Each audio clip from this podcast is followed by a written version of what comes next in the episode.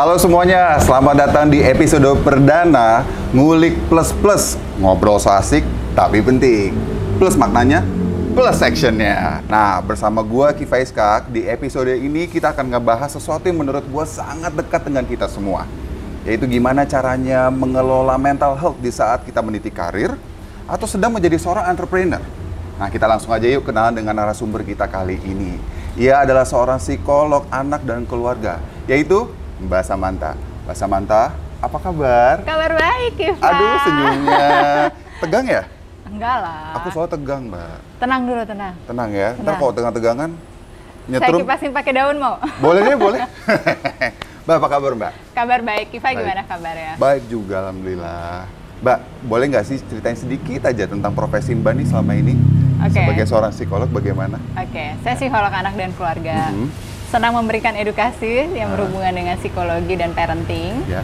uh, mental health juga. Kemudian menangani klien udah pasti. Ah. Gitu. Dan biasanya itu saya uh, kerja kan offline ya di klinik gitu, ketemu klien gitu. Tapi Hmm. Ya. sejak pandemi ini mau nggak mau kan semuanya berubah. Iya, jadi kita online. harus mengadaptasi dengan semua the new normal ini ya, Mbak ya. Betul, betul. Tapi gimana? How you coping? Enak atau berjuang juga sama, sama seperti kita semua atau bagaimana? Oke, kalau saya prinsipnya jadi psikolog harus walk the talk. Apa Ya. yang saya sarankan, saya perlu jalanin juga. Jangan sampai saya saranin gini, "Ah, Kifa tidurnya jam 10 sampai jam 2 ya, Ya. gitu. Ah, pokoknya jam 10 malam udah harus tidur gitu. Tapi sayanya tidurnya jam 3. Nah, jangan sampai saya kayak gitu, gitu. Walk the talk itu penting sekali para penonton. Walk the talk itu penting sekali. Tapi ma- maaf nih, kayaknya aku tuh belum bisa tidur jam 10, Mbak. Karena kayaknya nge-coping di pandemi ini tuh kebanyakan nonton Netflix gitu. Jadinya Oke. drakor. Aku Dra- jadi suka, suka ikutin drakor. drakor sekarang. Gila banget Dan emang di drakor drakornya. itu sebetulnya banyak banget loh tema-tema mental health yang ada sepanjang tahun 2020 ini. Oh gitu? Apa Iya. gitu contohnya? Misalnya Hi Bye Mama. Udah nonton belum? Belum. Kemarin nih Taiwan Class. Ah, Oke, Ah. terus ada juga tentang uh, It's Okay Not to Be Okay Oh itu tentang mental health juga? tentang mental health. Iya. Itu itu bagus untuk direkomendasi tonton atau Bagus, atau bagus. biasanya ini kan kemarin nonton Reply 988 kan. Itu bawaannya pengen nangis mulu setiap episode. Itu kayaknya agak nggak bagus ya untuk sekarang ya. Jadi ya, rekomend gak tuh is, is okay not to be okay atau apa itu? Itu rekomen. Rekomen Buat ya. katarsis nangis-nangis lagi. Sama Oke. sekarang yang paling hits itu ada startup ya. Oh, startup. ya. Itu bagus banget untuk memberikan kita gambaran gimana orang yang memulai bisnis baru atau mengelola bisnisnya, entrepreneur dan lain sebagainya itu bagus banget. Oh ini pas banget nih sama topik kita hari ini nih para penonton. Jadi kayaknya emang startup itu cocok ditonton ya. Kayak aku mulai besok. Recommended. Oke, Mbak, kita serius dikit nih Mbak. Jadi kita akan ngomongin gimana sih caranya eh, karena tadi ngomongin masalah startup kan berarti ngomongin tantangan sulitnya mendapatkan pekerjaan di era saat ini, bener kan? Iya. Banyak yang kita ngalamin. Terutama sebenarnya eh, gue juga yang seorang sebenarnya freelance dari dulu gitu juga mengalami kesulitan di masa tahun ini 2020 gitu ya. Jadi banyak orang yang banting setir dengan buka usaha dengan part time untuk tambahan income gitu.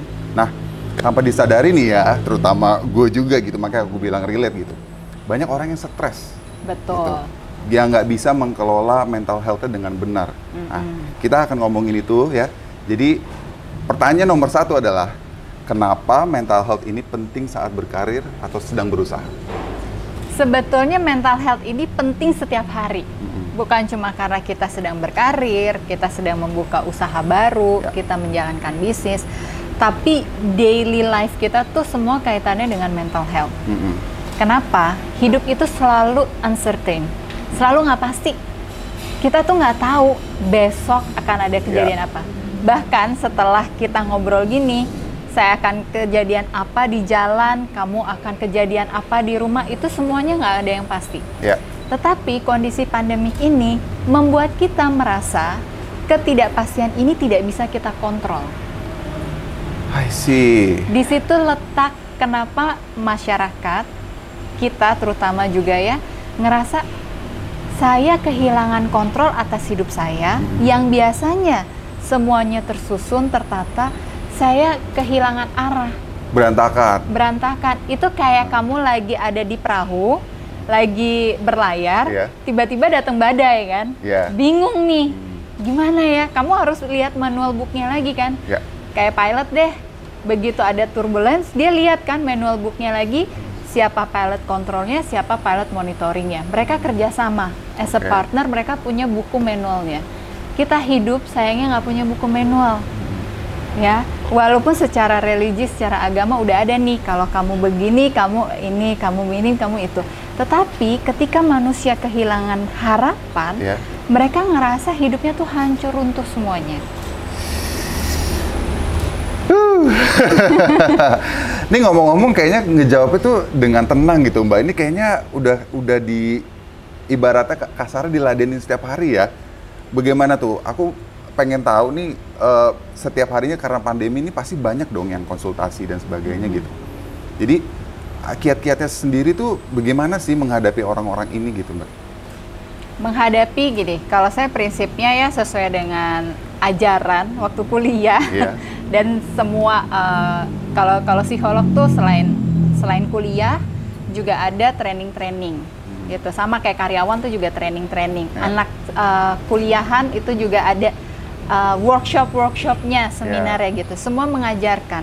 Ketika klien pertama kali datang kita tanya dulu keluhannya apa. Hmm. Kel- keluhannya apa, kemudian kita mencoba untuk menggali masalahnya supaya kita bisa bantu untuk identifikasi. Yang ketiga kita tanya harapannya klien apa. Karena ada klien yang harapannya cuma ingin didengar. Ah, nggak pengen diceramahi tapi pengen Iya. didengar. Emang kebanyakan masalah sekarang tuh begitu. Pengen didengar doang. Bener bener bener. Karena sebenarnya udah tahu solusinya apa. Tapi dia butuh validasi. Nih loh ada orang yang sepaham sama saya atau bisa memberikan saya perspektif yang berbeda. Tapi ada klien juga yang minta pertolongan lebih. Saya mau memperbaiki diri saya, misalnya cara copingnya gimana. Atau saya selama ini menggunakan cara sini nih nih. Ada nggak cara lain yang lebih efektif untuk kondisi saya saat ini? Oke. Karena di, di masa pandemi ini, kebanyakan nih, kita selalu menggunakan cara coping yang sama sebelum pandemi. Tapi saat ini kita dituntut untuk melakukan pembaharuan. Sih.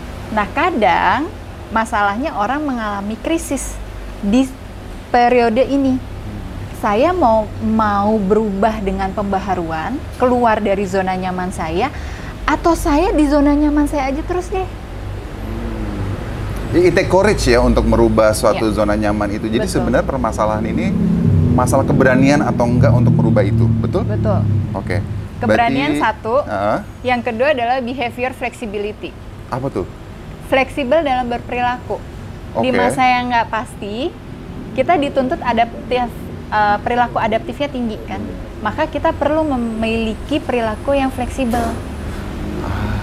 Oke. Nah itu ada hubungannya nggak ya permasalahan dengan kira-kira juga ada yang nonton gitu dengan introvert dan extrovert. Nah kayak gitu tuh bisa nggak dia- diaplikasikan gitu? Kalian tuh harus semuanya bisa adaptasi gitu atau atau ada perlakuan khusus terutama orang-orang introvert gitu. Oke, normalnya nih, normalnya proses adaptasi itu dua minggu sampai dua bulan. Oke. Nah, ketika kita waktu awal pertama lockdown tuh, semua orang stres kan? Ah. Don't wanna talk about it. Sekarang udah lebih dari enam bulan, Ah. rasanya udah lebih rileks bukan? Udah agak berani keluar sih sebenarnya. Iya. Karena what choices do we have ya nggak sih? Iya. Either Yang ya memang cari duit atau enggak, tapi ya ikuti protokol kesehatan aja. Itu kalau Iya, aku. benar. Yang Ah. penting kita tetap ikuti tiga protokol kesehatannya. Iya. Nah, itu perilaku yang fleksibel. Oke. Saya ber- tetap berani keluar, tapi saya tetap menjaga kesehatan saya. Hmm. Kita sekarang harus ke mana-mana pakai masker. Ya udah kita pakai masker. Kita harus jaga jarak nih. Ya udah kita jaga jarak. Itu fleksibel. Nanti udah selesai nih. Uh, vaksinnya udah ditemukan dan lain sebagainya. Kita mau penerima vaksinnya. Itu kita fleksibel. Oke. Demi penyakitnya nggak ada lagi kan. Tapi kayak untuk itu aku belum yakin sih untuk vaksin ya. It my opinion Iya. karena agak takut ya gitu. Iya. Cuman nggak apa-apa kayak we'll see we'll see. Oke. Nah, range range umurnya sorry sorry tadi Oke, lanjutin ya. terus udah gitu kita setelah misalnya vaksinnya udah selesai, Heeh. terus eh, tu- sudah tidak ditemukan lagi jumlah korban yang terkena COVID misalnya Iya, ya. uh, amin. Terus kita kembali lagi kan hidup dalam kehidupan normal kita yang nggak pakai masker. Yes. Kayak 100 tahun yang lalu tuh waktu ada Hmm, flu Spanyol. flu Spanyol, ya. Itu kan dua tahun, tiga tahun mereka harus pakai masker. Abis Oh, ini itu kayak nge-rewrite kan? history ya Iya, sebenarnya ya. Oh, oke oke oke oke. Nah, di di klien-kliennya Mbak ini tuh Hmm. range umurnya tuh kira-kira dari berapa ke berapa yang sering konsultasi ke datang ke Mbak? Oke, range umurnya itu eh, variasi banget. Hmm. Ada yang anak-anak, ada yang 40 tahun ke atas, ada. Tapi belum pernah dapat klien yang 50 tahun lebih belum. Berarti yang sebenarnya umur-umur produktif gitu ya? Iya. Bahkan anak-anaknya juga ada sampai ada yang konsultasi. Kan psikolog anak. Oh iya betul juga, saya lupa. Jadi biasanya kalau anak-anak pasti dibawa orang tuanya. Oh gitu. Eh, mohon maaf ini hujan. Bapak produser gimana? hujan. Oke para penonton, eh, secara personal dan dari JRW Box, gue mau minta maaf karena tadi kita sempat berhenti ya Mbak ya, eh, hujan gitu. Kebetulan produser kita pawang hujan yang udah biasa buat syuting-syuting, jadi dia bisa memberhentikan ini semua. Akhirnya jadi panas banget sekarang, agak berlebihan. Memang maaf ya Mbak ya eh, untuk menunggu. Kita lanjutin aja gimana obrolan Lanjutin kita? makan juga boleh. Oh boleh, oh iya. Kebetulan udah mau jam 12, saya lapar kayaknya nih. Uh, terang banget, udah matang kayaknya mbak. Ah. Oke, kita sambil ngobrolin ya mbak. Eh, tadi kan ngomongin masalah range eh, produktifnya kliennya mbak kan. Nah itu menyambungkan hal itu. Biasanya apa sih, apa aja tantangan pekerjaan yang biasanya membuat mental health itu menjadi tidak baik? Tantangan pekerjaan siapa nih? Ti- Pekerjaan eh, saya. ya, tantangan pekerjaan apa yang biasanya membuat eh, mental health itu menjadi tidak baik gitu? Secara umum ya. Secara umum, secara umum. Oke. Kalau detail panjang mbak, ntar kayak novel. Baru saya mau bilang itu. Nah, kan cocok kita. Oke, gimana gimana? Nah, oke. Kalau secara umum tantangan dalam pekerjaan tuh udah pasti beban tugas. Hmm. Terus pengaturan waktu, Hmm. ya. Terus eh, hubungan relasi dengan teman eh, rekan kerja atau dengan atasan, Oh, oke. gitu. Karena ini semua kan akan menyangkut bagaimana seseorang bisa produktif di dalam pekerjaannya. Katakanlah dia ada di satu lingkungan pekerjaan yang lingkungannya suka ngebully dia, bakal betah nggak dia ada di situ? Enggak sih. Enggak. Hmm. Jadi dia akan uh, terpengaruh kan produktivitasnya. Terus juga dari dirinya sendiri juga ada tantangannya. Hmm. Mudah bosan atau persisten. Nah, biasanya orang yang suka mode bosan, Hmm. dia suka pindah-pindah kerja tuh. Saya enggak loh. Adventurer. Uh, adventurer iya. Ini iklan dikit, saya adventurer. Tapi saya enggak, saya setia sama pekerjaan saya gitu. Kok jadi saya sih? Kaku amat ya, gue. gitu, sis? Nah, biasanya jadi ketika misalnya gini, dia tuh aset yang berharga untuk perusahaan. Hmm. Ketika dia bilang sama atasannya, saya mau resign nih karena saya udah diterima kerja di tempat yang lain. Atasannya karena merasa ini aset, kamu minta gaji berapa deh, asal jangan resign, saya naikin gajinya. Dia naik, bilang kan, sekian gitu, dia sebutin. Terus langsung dinaikin, kaget kan dia? Dia pikir, oke, berapa bulan bisa kok keep up dengan pekerjaannya dan tetap merasa nyaman di kantornya. Ternyata 3-6 bulan rasa bosannya muncul lagi. Oh. Itu. Jadi harus dicari tahu memang karena faktor lingkungan kerjanya atau diri sendiri yang butuh tantangan atau pengalaman lain. Biasanya apalagi usia-usia yang baru lulus kuliah tuh. Ah, I see. Ah, baru satu tahun dua tahun kerja mau pindah. Mau pindah. lagi. Pengen tahu, pengen mengukur kemampuan dirinya tuh seberapa besar sih kalau di perusahaan katakanlah gini, perusahaan internasional dia udah oke banget nih, mau naik yang lebih besar lagi Ah. perusahaannya, bisa nggak saya di perusahaan itu? Jadi mau challenge dirinya lebih. Hmm. Nah, ini yang jadi tantangan. Dia bisa jadi tetap merasa nyaman nggak dengan perusahaan dia kerja sekarang, sehingga dia tetap produktif. Oke. Nah kalau boleh tahu nih ngomongin itu kan sebenarnya menurut gue itu kayak kasus pra pandemi, Ya. ya nggak sih gitu. Nah sekarang nih uh, kalau boleh tahu, maksudnya kalau boleh dibeberkan sedikit gitu dari klien-klien Mbak, uh, kira-kira problemnya yang umur-umur produktif yang konsultasi dengan Mbak itu problem di kantornya apa sih yang membuat mental health mereka jadi menjadi-jadi gitu? Malah-malah bukannya membaik tapi semakin memburuk gitu. Karena gue punya contoh gitu ya waktu temen gue itu kerja di salah satu startup lah gitu. Ya udah lumayan lah di di Jakarta ini di Indonesia sorry. Jadi dia uh, ternyata banyak orang yang dikat akhirnya semua pekerjaan dia yang harusnya udah bukan di posisi dia itu ditumpahkan ke dia semua. Gitu. Oke. Nah itu kan salah satu contohnya. Nah kira-kira dari Mbak sendiri yang konsultasi ke Mbak eh, orang-orangnya apa sih yang mereka konsultasikan gitu? Oke, ini kita bicara data ya, Ya. data yang ada di lapangan, yang bisa aja nggak konsultasi sama saya, bisa aja sama Oke. psikolog yang lain juga. Ya. Tapi udah ada surveinya, udah terukur, udah ada datanya ya, Hmm. yang dikalkulasi lah sama beberapa lembaga sama instansi. Pertama tidak ada mobilitas selama pandemi ini. Oke. Nah, tingkat mobilitas yang rendah ini akan membuat orang kecenderungannya stres. Oh karena duduk. Duduk di Zoom, rumah aja. Zoom ber 20 ratus jam gitu Ya, kan. Ya. Ada kan istilahnya Zoom fatigue, pandemic fatigue, cabin fever. Oke, ini kayak apa aja sekarang dijadiin ini ya, kayak kias, eh bukan kiasan, apa tuh namanya dijadiin istilah-istilah ya. gitu. Slogan-slogan. Lucu sekali ya, oke. Gimana gimana terus terus? Ya, jadi kalau cabin fever itu kita ngerasa kita terjebak di satu ruangan kecil kan. Mm-mm. Kamu kebayang kan naik pesawat ada cabinnya kan. Ya, ya. Nah, tapi ini di dalam rumah.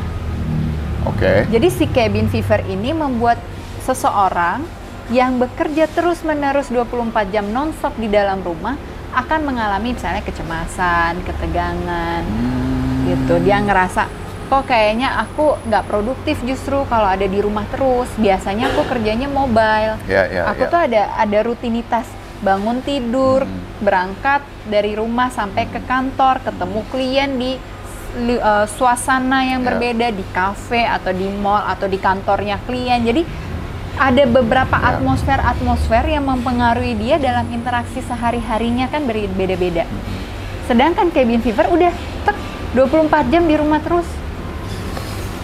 Iya ya memang betul sekali sih karena kan gue juga ngajar mbak gitu. Aha. Jadi kayak pas lagi ngajar online aku merasa jadi tidak efektif gitu untuk Iya. ngajar karena nggak ketemu muka langsung, terus ada yang dimatiin kameranya, jadi ada ada insecure kayak ini orang dapat ilmu nggak sih dari Bener. ajaran gue gitu atau apa akhirnya jadi malah malah bawaannya pengen marah terus, mal- Betul. bawaannya malah kecewa gitu.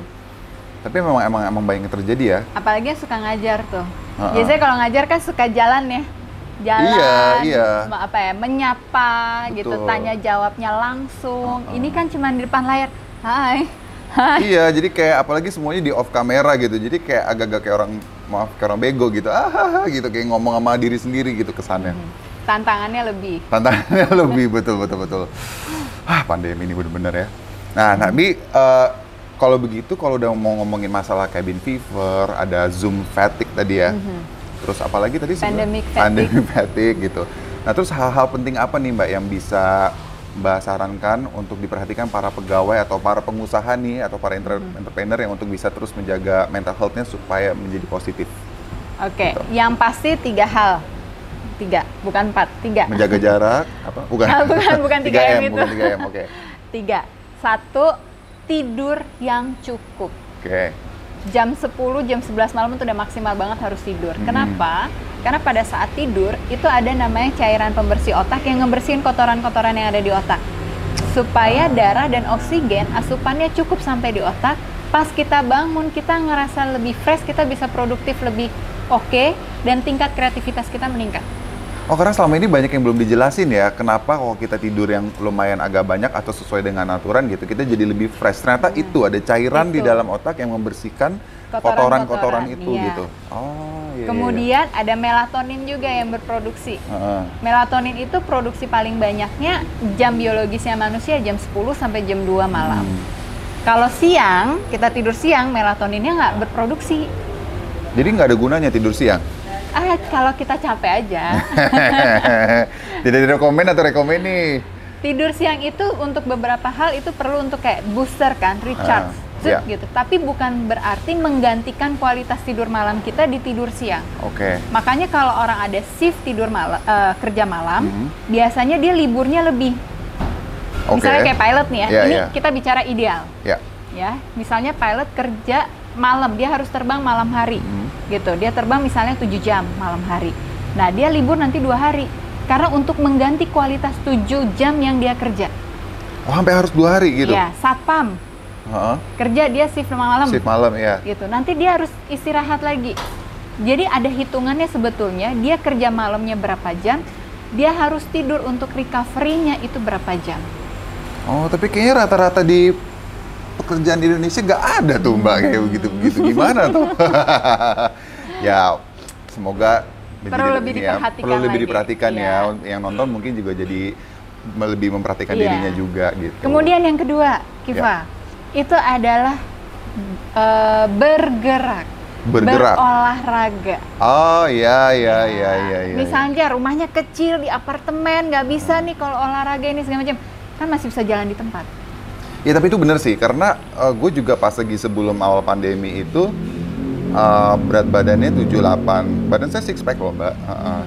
jadi berotot-berotot gitu. Tapi karena males olahraga karena stres dan sebagainya naik dari 8 kilo. Gitu. Heeh, jadi 84 tapi udah diet lagi sekarang. Udah diet semangat lagi. menuju 2021 guys gitu. Semangat. semangat. Makanya langsung oke gue harus bagus lagi. nggak tapi bercanda kok tadi yang six pack itu bercanda bercanda gitu Ya, Terus yang, yang ketiga Hmm. ini adalah kondisi kita makan sehat. Ah, Nutrisi itu penting sekali iya. karena udah pernah dengar istilah gut brain? Otak yang ada di usus itu? Hah? Oh, gut brain. Iya. Oke, oke. Belum, belum. Oke, jadi ketika kita makan yang sehat, kita tercukupi kebutuhan nutrisi kita, kita menyalurkan darah yang kualitasnya lebih bagus dari usus kita ke otak kita. Oke. Jadi, dapat mengurangi kecemasan, bisa ngurangin juga kita um, sering sakit kepala Hmm. misalnya. Tapi gini, kan banyak banget nih, uh, especially me juga gitu. Ada yang nggak tahu tentang informasi nutrisi yang baik seperti apa. Jadi sebenarnya, oke, ada yang males nyari nyari bahan informasi gitu ya. Uh, Kira-kira apa deh yang bagus buat kitanya gitu tubuh gitu? Apakah sayur-sayuran atau yang bisa direkomend dari Mbak Samantha? Sejauh yang saya tahu ya, semuanya itu kalau berlebihan nggak baik. Junk food gitu ya. Oh, Iya. kesukaan saya itu. Oke. Jadi prinsipnya tetap makan makanan yang empat sehat lima sempurna itu loh. Oh, itu kode ya tadi? gitu. Oh, minum dulu mungkin atau dimsumnya dimakan. Nanti habis ini saya makan nih Ah, Boleh, boleh, boleh, boleh. Ini kebetulan dimsum kesukaan nih. Oh gitu. Ah, ah. Suka? Suka. Baru aja mau saya bagi tadi. Atau kalau nggak boleh, Oh iya nanti nanti ah, nanti. nanti ya. saya pesan lagi. Ini eh, mohon maaf produser saya terlalu ini terlalu semangat kayak untuk menghalangi hujan. Coba tolong eh, gimana ya Raldi? Oke. Eh, jadi kalau kalau kita bicara tentang nutrisi, semuanya perlu seimbang. Hmm. Karbohidrat ya perlu dapat. Jangan makan karbohidrat aja tapi nggak ada proteinnya. Oh, I see. Jangan makan sayur aja tapi nggak ada karbohidratnya. Ya. Gitu. Jadi semuanya sebisa mungkin seimbang. Dan jangan makan sehabis makan langsung tidur, guys. Betul. Ingat ya, itu membuncitkan perut Anda. Betul? Setuju dong? Setuju. Itu terjadi sama saya soalnya. Jadi saya bisa ngasih tahu. Nah, eh, kita kita lanjutin. Nah, ini ini ini, ini menurut gue agak-agak suka rancu di antara masyarakat gitu, Cie, masyarakat. Eh, bagaimana sih caranya membuat pikiran dan hati kita tetap baik agar terus bisa mindfulness? Nah kemarin sempet eh, ini prolog sebentar ya. Ngomongin mindfulness itu sempat gue konsultasi gitu kan ngomong apa sih sebenarnya mindfulness? Kalau kalau gue itu makan pagi roti dengan kopi nonton di Netflix gitu misalkan bagi saya itu eh, mindfulness gitu tapi ternyata enggak jadi sebenarnya mindfulness yang bener tuh apa sih Mbak Oke. Samantha gitu Tadi contohnya udah tepat banget tuh tentang makan sambil gue nonton. jadi contoh mulu nih gawat banget Karena Oke. lebih mudah dipahami kan. oke betul betul betul Ya. Nah, tadi makan apa? Roti, kopi, roti eh, bakar kopi hitam kopi, terus sama kayak sambil nontonnya nonton. Netflix jadi tuh kayak damai sendiri gitu ritual lah ibaratnya Ritual dan for sendiri. me it's a mindfulness Oke. Tetapi faktanya mindfulness itu dibutuhkan benar-benar satu aktivitas satu waktu. Kamu mau nonton atau mau makan? tujuannya untuk apa Ketika kamu makan, ya kamu akan berfokus dengan rasanya, melatih indera perasa atau indera lidah kita. oke Sehingga tubuh kamu akan bersinergi membuat oh iya, saya menerima makanan ini bernutrisi, membuat saya hidup saat ini. Saya bersyukur saya bisa Oh. makan roti bakar. oke Even kamu makan mie gitu ya, mie goreng gitu Ah, enak pagi-pagi atau nasi goreng, nasi uduk gitu ya. Ah. Tapi rasanya akan lebih nikmat ketika kamu berfokus dengan rasa makanannya, Daripada Hmm. sambil nonton. iya. Karena sambil nonton, sorry, rambutnya, bah, Gak apa-apa ini panas. Emang produsernya kadang-kadang suka gitu. Angin, angin. Angin, angin, angin. Dia lagi bawa angin soalnya. Ketika kamu makan, kamu fokusnya nonton atau fokusnya ngobrol, kamu terlena sama rasa makanannya. Oke. Kamu nggak fokus sama lidah. Si organ lidahnya itu tidak dimanfaatkan. Sehingga Hmm. kamu tidak menikmati bagaimana makanan itu berproses masuk ke tubuh. Beda loh sama orang yang misalnya nih makan makan dimsum ya, Hmm. Makan gitu. Enak ya. Oh, dimsumnya nih ada rasa ayam, ada rasa udang, ada minyak wijennya juga, Ada rasa ada panas. garam Hmm. panas gitu ya. Terus bisanya gini, rasanya dimsumnya dingin baru dari kulkas sama panas yang udah dipanasin, Di- oh, oke. dihangatkan. Ya. Rasanya lebih nikmat yang mana? Yang sekarang ini yang langsung kena matahari gitu. Enak nih, langsung ya? panas tuh lihat berasap gitu. Hmm. Oh jadi intinya tuh kayak being in the moment gitu ya. Iya, being in the moment. Jadi uh, yang pengen aku lanjutin pertanyaannya adalah apa hubungannya dengan being in the moment dengan me- memaintain mental health kita? Gitu. Oke. Ketika kamu ada di saat ini, kamu mengurangi rasa kecemasan. Oke. Kamu mengurangi overthinking. Kan kamu nikmatin saat ini. Tadi nih waktu waktu kita lagi ngukur ini nih, kan aku diam aja nih di sini. Iya. Gitu terus, ayo mbak sini. Enggak udah sini nikmatin aja dulu. Iya lagi panas nggak apa-apa. Biasanya nggak dapet panas kok lagi musim hujan kan. Ah. Nikmatin. Alhamdulillah ya puji Tuhan bisa dapat matahari. Itu udah saya berada di sini makanya kelihatannya mbak nggak kepanasan nggak keringetan. Hmm. Gitu. Oh karena karena pikirannya tidak menuju ke hal yang negatif. Iya. Padahal sebenarnya bahaya loh mbak ini jam segini. Zen gitu di tengah siang-siang gitu tenang. Oh dapat matahari padahal bisa kanker kulit. gitu. Nggak tapi Kan maksudnya. ini, ini lengan Oh iya benar panjang. juga saya enggak jadi ya ya bahaya agak bahaya. ya. Raldi tolong nih produsernya aduh hujan dikit lah.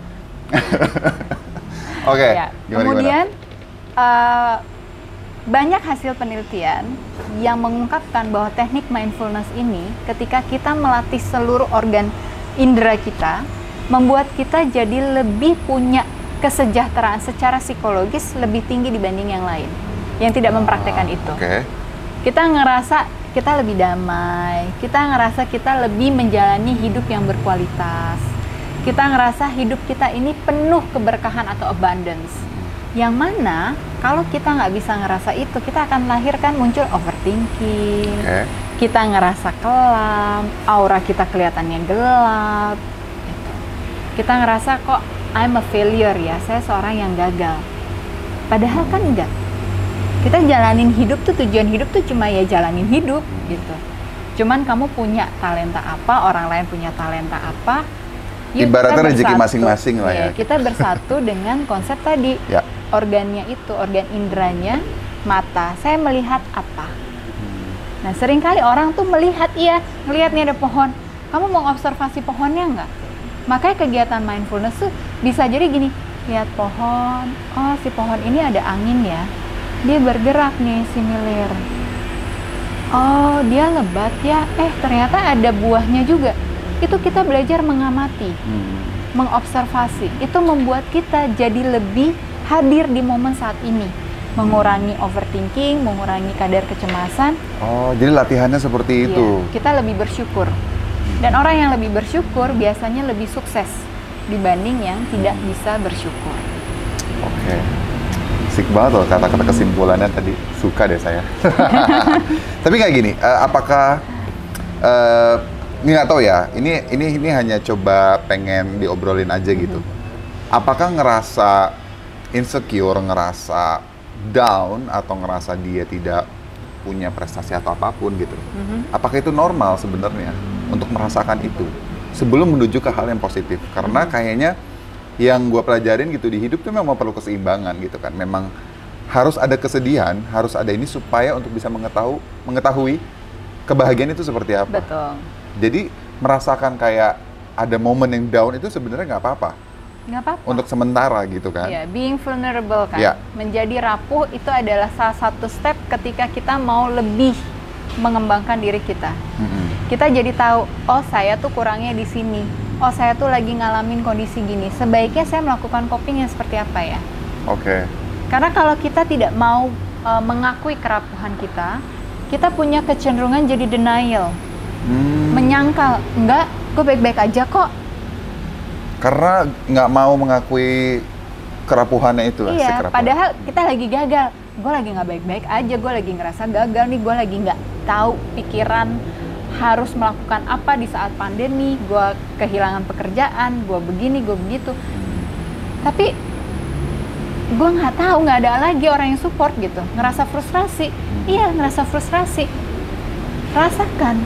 Tapi apa yang perlu kamu kembangkan dari rasa itu adalah pilihan Oke. menjadi stres yang positif, eustress, atau terlena dengan perasaan itu terus-menerus akhirnya mengarah jadi distress dan depresi. Oh jadi semua is all about choices. jadi keberanian untuk Iya. bisa memilih dong, benar nggak sih gitu? Ujung-ujungnya keberanian untuk bisa memilih mau ini menjadi sesuatu yang akan menjadi positif atau terlena gitu kan? Iya. Jadi in order untuk kita bisa merevamp diri kita, jadi kita harus merasakan dulu gitu kan ya. Mengetahui bahwa kita lagi sedang merasa gagal mungkin gitu, salah satu contohnya. Iya, karena Tapi kalau kita ya kita pilih. ngerasa gagal, kita jadi bisa koreksi diri kan. Yes. Dan kita akan terima misalnya input dari orang lain, Hmm. misalnya ada ide atau kreasi Hmm. dari orang lain, eh lu mau nggak ikut gitu? Ya udah deh ikut aja deh join dulu deh apa gitu ya melakukan hal yang Hmm. baru karena kopinya kan perlu yang baru. Ya. Misalnya tadinya industrinya kuliner bangkrut misalnya pas Hmm. pandemi ini jadi harus berubah bisnis yang lain gitu. It's a part of journey kan. Ya. Kamu mau mau mengembangkan diri kamu. Tapi kalau orang yang nggak mau mengakui bahwa dia gagal, ini nggak mungkin nih saya gagal. Hmm. Saya nggak bisa gagal. Saya harus begini begini. Dia akan terus gitu. Akhirnya malah, mohon maaf ya, eh, skenario terburuknya adalah makin curam kegagalannya. Hmm, Apakah Jadi- itu bisa disebut sebagai toxic positivity? Ya. Pinter kamu ya. Mohon maaf sama saya pandemi ini saya belajar banyak sebenarnya. Jadi agak-agak mengerti sedikit tentang toxic positivity karena kita kadang-kadang harus memilih motivasi apa yang harus di dalam diri kita untuk order in order untuk lebih maju gitu. Ya memang memang banyak sekali yang kayak enggak lu harus bisa lu nggak boleh gagal ini nggak boleh ini justru itu sebenarnya sebuah paksaan yang akan ujungnya menjadi jurang buat kita sendiri gitu. Saya setuju sama anda. Bagus itu. Oke. Nah, ini kan udah di penghujung acara, sih penghujung acara. Eh, pertanyaan terakhir nih untuk Mbak Samantha. Eh, pesan apa sih yang bisa disampaikan dari Mbak Samantha untuk topik kita hari ini? Pesan ya. Ya. Pesannya itu eh, tetap menjalani P3K-nya tadi tiga. Balik P3K. lagi ya. Oke, ya benar. Oke. Uh, tidur, makan, olahraga gitu. Tapi yang pasti nih, yang pasti kita meyakini diri kita, kita punya resilience. Mm-mm. Kita punya daya juang. Pandemik ini ngajarin kita seberapa tinggi daya juang kita untuk menyiapkan diri kita menghadapi tantangan zaman yang lebih di tahun 2021 dan seterusnya. Gila, gila, gila, gila. Sampai terkesima, Mbak. Oke, terima kasih ya Mbak Samantha untuk kehadirannya di edisi perdana kita ini. Terima kasih untuk membawakan sesuatu yang positif dan semoga untuk para penonton ya untuk bisa menangkap itu semua dan mencerna untuk menjadi sesuatu yang semangat baru di 2021, betul? Yes. Oke. Eh, Mbak Samantha terima kasih sekali lagi untuk eh, datang sebagai bintang tamu dan narasumber kita. Thank you, terima Kiva. kasih banyak. Oke guys, jadi ikuti episode selanjutnya terus di ngulik ya di JRW Box-nya kita. Kira-kira nih, kira-kira siapa yang mau berkomentar atau kasih saran dan kritik silahkan banget untuk nulis di kolom komentar di bawah ini. Ya. Terima kasih juga, terima kasih juga untuk para sponsor yang membantu kita yaitu Imato Project, Warung Dimsum, Warung Aceh Kemang, Idea Hub. Oke, jangan lupa like dan subscribe dan sampai jumpa di episode berikutnya. Dadah.